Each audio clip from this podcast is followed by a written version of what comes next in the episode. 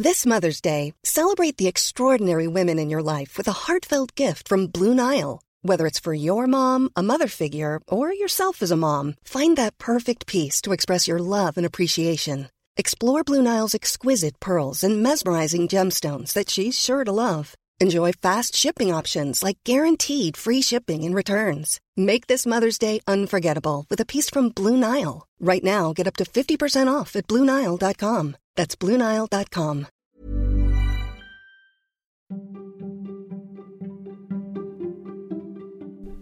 Välkommen till Nomofomo Daily. Det här är ju podden som ger dig trender och forskning som formar framtiden, men även nyheter som du annars aldrig hade fått reda på, som att man har hittat en försvunnen stad i Alperna och att forskare äntligen vet ungefär hur många fåglar det finns på jorden. Jag som DJar internet åt dig heter Niklas Hermansson. Den kontroversiella appen Citizen har som mål att låta medborgarna hjälpa polisen att gripa brottslingar. Men nu har appens ansvariga tvingats be om ursäkt efter att ha felaktigt pekat ut en oskyldig man som misstänkt för att ha startat en skogsbrand i Los Angeles i helgen. Citizen publicerade en bild på den här mannen och erbjöd en belöning på 300 000 kronor för information som ledde då till ett gripande. Och allt det här skedde live på en ny funktion som heter On Air, som då är tänkt att ge användarna exakt realtidsinformation om nyheter. Tack och lov var det polisen och inte någon annan som hittade den oskyldiga mannen som senare släpptes. Och nu har polisen istället gripit en annan person som misstänks för skogsbranden. Det här misstaget är ju stort bakslag för Citizen som försökt bli rumsrena efter en rad tidigare misstag. Det rapporterar Vox. Och vidare till Italien där BBC rapporterar att man har hittat rester av en försvunnen stad i den norra delen. Vattennivån i sjön Resia som ligger i Alperna, alltså nära gränsen till Österrike och Schweiz, har sjunkit så pass att man nu kan se mängder av spår efter staden Curon där hundratals människor bodde innan den översvämmades 1950. På sociala medier kan man idag hitta bilder på trappor, källare och väggar som vanligtvis brukar ligga under vatten. Numera är området populärt bland vandrare på sommaren som besöker den vackra sjön medan vinterbesökarna går, går över isen för att kunna ta på en kyrka som nästan är helt täckt av vatten som alltså fanns då innan den här sjön översvämmades men fortfarande står kvar men nästan helt under vattnet. Och så vidare till streamingkriget som ju blir allt blodigare. I måndags meddelade den amerikanska telekomjätten AT&T att Warner Media och Discovery ska slås ihop för att på så sätt inte bara överleva utan även för att konkurrera ut Netflix och Disney på den växande streamingmarknaden. Så varför ska man då bry sig om det här kan man ju fråga sig. Jo, men genom att slå ihop Discovery och Warner Media får AT&T ett rysligt starkt erbjudande till konsumenterna. Alltså, affärens största vinnare kan faktiskt bli eh, tittarna. Warner Media äger ju alltså då HBO, CNN, Cartoon Network och Warner Bros Entertainment som är en av Hollywoods mest inflytelserika filmstudior med bland annat Harry Potter och DC i portföljen.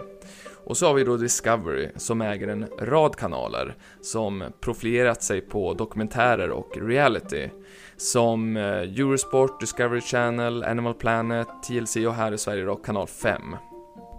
Affären väntas dock inte träda i kraft förrän i mitten av nästa år.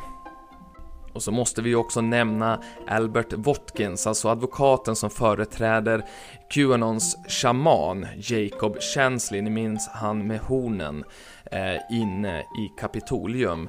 Han eh, hade ganska hårda saker att säga om de som stormade Kapitolium och eh, lyckades faktiskt förolämpa nästan alla med eh, otroligt okänsliga kommentarer med, eh, gällande funktionsnedsättning.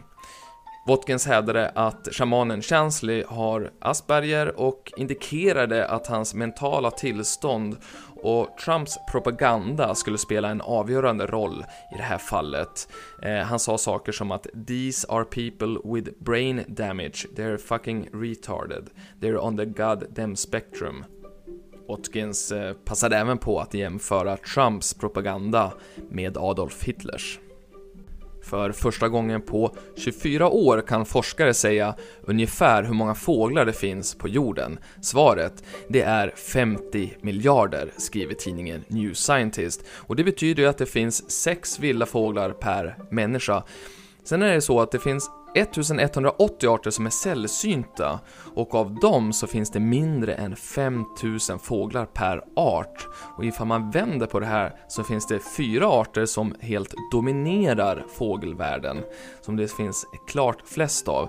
Gråsparv, ja det är den mest vanliga. Därefter följer staren, svalor, ja, och så den bedrövliga måsen. Slutligen kan jag tipsa om att Bugatti har släppt en ny bilmodell som de kallar La Voiture Noir.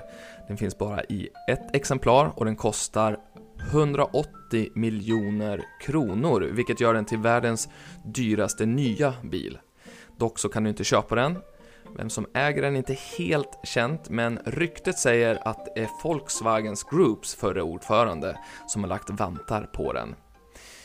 De här uppgifterna kommer bara dagar efter att Lamborghini berättat att de kommer att släppa sin första eldrivna bil 2030, de har ju legat efter där. Det var allt för idag, men vi hörs imorgon igen. Då är det torsdag, det betyder att det är veckans sista avsnitt utav Nomofomo Daily. Jag vill också passa på att tipsa om att i morse så kom ju då veckans nummer utav Nomofomo Insights, nyhetsbrevet. Eh, och där så kan du bland annat få se bilder på en spökstad i Turkiet, läsa mer om det japanska deepfake-succén, eh, du får listor över årets mest efterlängtade filmer, du får kliva in i huvudet på en kryptomiljonär, du får se drönarbilder som ger oss helt nya perspektiv och så undrar vi såklart var det verkligen en nazisthälsning vi fick se i Jeopardy? Det och mycket, mycket annat. Ha en fin dag nu.